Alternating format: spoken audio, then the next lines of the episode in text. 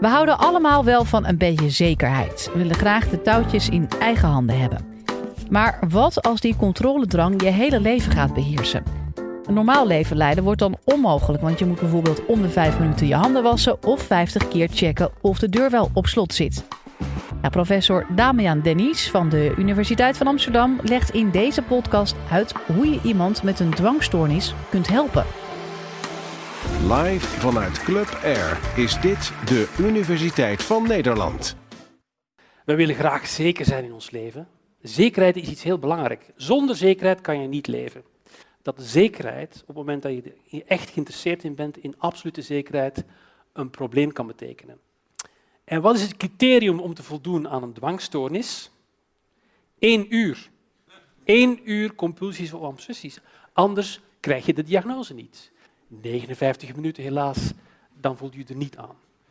Oké, maar laten we even teruggaan naar die zekerheid. Uh, daar zit iets heel interessants in. Deze mensen met dwangstoornissen, de obsessief-compulsieve stoornis, want daar gaan we nu over hebben, die zijn geïnteresseerd in zekerheid. Ze willen absoluut zeker zijn. Maar dat is niet zo makkelijk. Op het moment dat je geïnteresseerd bent in zekerheid, zit je al in de problemen. Bekende uh, speelgoedfabrikant. Hier laat die fabrikant zien hoe kinderen met speelgoed spelen. Een rood blokje, een blauw blokje en een wit blokje. En dat weerspiegelt een vliegtuig, een tank, voor zover het nog gekend is in Nederland, en een schip. Lego toont hier aan wat, hoe kinderen met speelgoed spelen. Kinderen spelen natuurlijk nooit echt met Lego-blokjes. Kinderen spelen met blokjes om iets te maken. Ze zien een vliegtuig en dan proberen ze dat na te maken. En zo materialiseren ze hun fantasieën. Wat in dit plaatje naar voren komt, is dat kinderen dus iets zien, iets in de realiteit brengen en daarmee met die blokjes daar zo naar kijken. Maar dat geldt ook voor ons volwassenen. De realiteit die wij zien, die is voor een groot stukje bepaald door onszelf, ook door onze hersenen. En ook wat, wij zouden willen. Als je dus drie flessen wijn neemt van dezelfde kwaliteit en een stijgende prijs, dan is het zo dat bijna alle mensen de duurste wijn de beste vinden, ook al is het hetzelfde. Dat komt omdat wij iets in de realiteit leggen. Dat is bekend. Het probleem is, als je geïnteresseerd bent in zekerheid, dan is het lastig. Want als de werkelijkheid die we zien voor een groot stuk is bepaald door mezelf, ik als persoon, en ik ben op zoek naar zekerheid, dan is er buiten in de werkelijkheid, onafhankelijk van mijn invloed, niet iets waar ik zeker kan over zijn, niet iets wat ik kan toetsen. Als ik zelf de werkelijkheid maak, hoe kan ik dan zeker zijn? Want die wordt beïnvloed door mezelf. Die mensen die op zoek zijn naar zekerheid, dat blijft in je gedachten doorgaan, de hele tijd door. Hoe kan ik zeker zijn dat ik niet besmet ben met aids? Hoe kan ik zeker zijn dat de postbus leeg is? Hoe kan ik zeker zijn dat ik geen HIV heb opgelopen? Hoe kan ik zeker zijn dat de deur is afgesloten? Enzovoort, enzovoort. Dat schrijft zich in de hersenen in. Hoe komt dat? Omdat hersenen neuroplastisch zijn. Zelfs als je die ideeën niet zou willen, zelfs als je zou zeggen van ik wil er eigenlijk niet aan denken of ik aids heb, ik stop met die gedachten, daar raak je niet van af. En dat komt omdat wij als mens niet ergens niet kunnen aan denken. Want als je ergens niet aan denkt, dan denk je eraan. En als je eraan denkt, door het principe van neuroplasticiteit, wordt het weer in de hersenen versterkt. Oké, dwangstoornis heeft dus te maken met obsessies die in het hoofd van mensen opkomen, die men niet van zich kan afzetten en zich in de hersenen inschrijven door dit soort van uh, principes. Ik herinner mij een mevrouw die tijdens de herfst in de bomen klom, want als de blaadjes begonnen te vallen, dan vond ze het heel vervelend dat een deel van de blaadjes op de grond lag en de andere deel nog aan de boom hing. Dus ze klom in de boom met een schaar en begon de blaadjes eraf te knippen, zodat ze er allemaal van vielen. Sommige mensen zijn expliciet op zoek naar zekerheid. Er is een geval van een persoon die ik ook kende, die bij mij kwam en die zei, ja, u zal het niet geloven, maar ik heb ooit mijn rijbewijs gehaald en ik heb altijd getwijfeld of ik wel voldoende punten had gekregen. En 18 jaar later heb ik mijn rijinstructeur opgebeld om toch nog eens te checken of ik wel geen twee punten te weinig had gekregen. 18 jaar lang was die man geobsedeerd geweest met die punten van zijn rijbewijs. Het klinkt misschien een beetje absurd, maar het zijn klachten waar heel veel mensen met dwangstoornis aan lijden.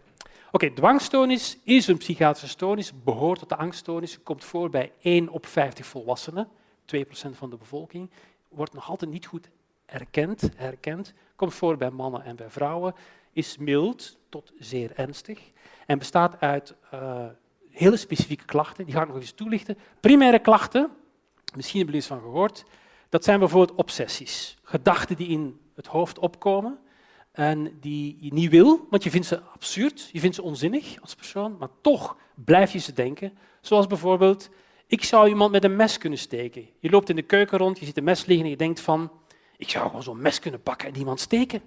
En hoe kan ik zeker zijn dat ik dat niet ga doen? Inderdaad, hoe kan ik dat zeker zijn? Ik besta ook voor een groot stuk uit mijn hersenen. Ik kan er niet zeker zijn. En mensen beginnen erover na te denken, worden onrustig en angstig. Of bijvoorbeeld, inderdaad, ben ik besmet met een ziekte? Zou ik misschien een ziekte kunnen doorgegeven hebben? Ik hoor dat er 3 miljard bacteriën in mijn anus zitten. Heb ik niet misschien toevallig eens aangekomen en iets doorgegeven? Hoe ben ik zeker dat ik die ziekte niet heb doorgegeven? Of bijvoorbeeld ook een interesse in perfectionisme, in dingen die symmetrisch zijn. Veel mensen houden van twee beeldjes die exact op de schouw staan. En oh wee, als het drie centimeter naar links staat. Dat geeft een soort van rust. En als het niet zo is, worden mensen onrustig en angstig. Nou, dat soort van obsessies, dat creëert angst. En dan gaan mensen een tweede reeks van uh, klachten vertonen. En dat zijn de compulsies. Mensen die bijvoorbeeld denken dat ze besmet zijn, die gaan hun handen wassen. Eén keer, twee keer. En dat werkt. Mensen worden rustiger en kalmer. En net zoals bij verslaving gaat het toenemen. Men gaat het tien keer doen, twaalf keer. En uiteindelijk gaat het met 300 keer doen. We hebben mensen gezien die 600 keer per dag hun handen wassen. En uiteindelijk werkt het niet meer tegen de angst. Dan moeten mensen dat doen om nog een redelijk normaal leven te leiden. Dus compulsies zijn gedragingen die je uitvoert om de angst te beperken. En die je ook gedwongen moet doen, want mensen willen het helemaal niet. Maar worden als het ware door hun hersenen gedwongen om dat te doen. In dat opzicht is dwangstoornis een stoornis van de vrije wil. Deuren controleren komt natuurlijk heel veel voor. Maar soms zie je het niet altijd aan de buitenkant. Soms is het gewoon bijvoorbeeld tellen in je hoofd. Sommige mensen komen binnen, zijn angstig en onrustig en die beginnen direct al de stoelen te tellen. In hun hoofd. Dan zijn ze een beetje afwezig en daarna blijkt inderdaad dat ze aan het tellen zijn om die angst te beheersen. Oké, wat kan je daaraan doen aan dit soort van klachten? Uh, het zijn ernstige klachten, ze komen heel veel voor. Uh, en er zijn wel behandelingen voor. Uh, de meest bekende behandeling, denk ik, vroeger was de psychoanalyse, op de divan gaan liggen vrij associëren en proberen inzicht te krijgen in die klachten. Maar dat heeft eigenlijk niet zo heel veel zin. Want die mensen met dwangklachten, die hebben veel inzicht. Die weten perfect wat er aan de hand is. Het enige waar ze onder lijden is dat ze het niet kunnen stoppen. Ze kunnen de gedachten niet stoppen en ze kunnen de handeling niet stoppen. En het feit dat ze zoveel inzicht hebben, zorgt ervoor dat deze mensen ook zoveel lijden. De lijdensdruk bij mensen met dwangklachten is hoger dan bij andere psychiatrische stoornissen, omdat mensen perfect weten wat er aan de hand is. Dus de klassieke psychodynamische therapie, dat helpt niet. Mensen uitleggen van stop daarmee, er zijn geen 3 miljard bacteriën in de anus, doe daar niet aan. Dat helpt niet om dat te zeggen. Dat is lang genoeg geprobeerd. Oké, wat, wat, helpt wel?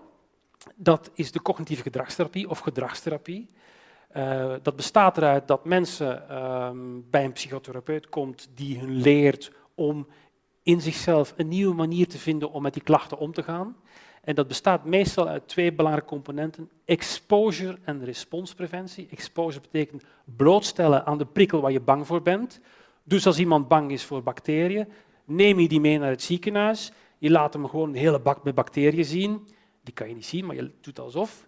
En dan zeg je, nu ga je gewoon je hand daarin stoppen. Voilà. Exposure betekent meteen blootstellen aan de cues waar mensen bang voor zijn. In nabijheid van een psychotherapeut natuurlijk, die erbij staat. Responspreventie betekent dat je mensen verhindert dat ze hun handen gaan wassen. Dus je gaat mensen een beetje pesten, gradueel. Bang maken, zorgen dat ze bang blijven en verhinderen dat ze een compulsie uitvoeren, zoals handen wassen of andere dingen doen. Die combinatie, enkele weken, 16, 18 weken, onder begeleiding van een therapeut, leidt tot heel goede resultaten. Er is ook een hele groep, grote groep patiënten die niet beantwoordt, nog aan de medicijnen, nog aan de gedragstherapie. Soms zijn ook jonge mensen, 30, 35 jaar, die inderdaad honderden keren per dag hun handen wassen, 15 jaar ziek zijn en geen enkel effect meer ervaren met geen enkele behandeling. En dat is een groep van therapie-refractaire patiënten die heel moeilijk te behandelen zijn. Um, daarmee wil ik mij eindigen. Dwangstoornis is een ernstige psychiatrische stoornis, niet zo heel goed erkend. Heel veel mensen hebben daar last van. Een grote groep van mensen kunnen niet behandeld worden. En de vraag die ik wil stellen is, kunnen we daar toch iets misschien mee doen met een aparte soort van behandeling?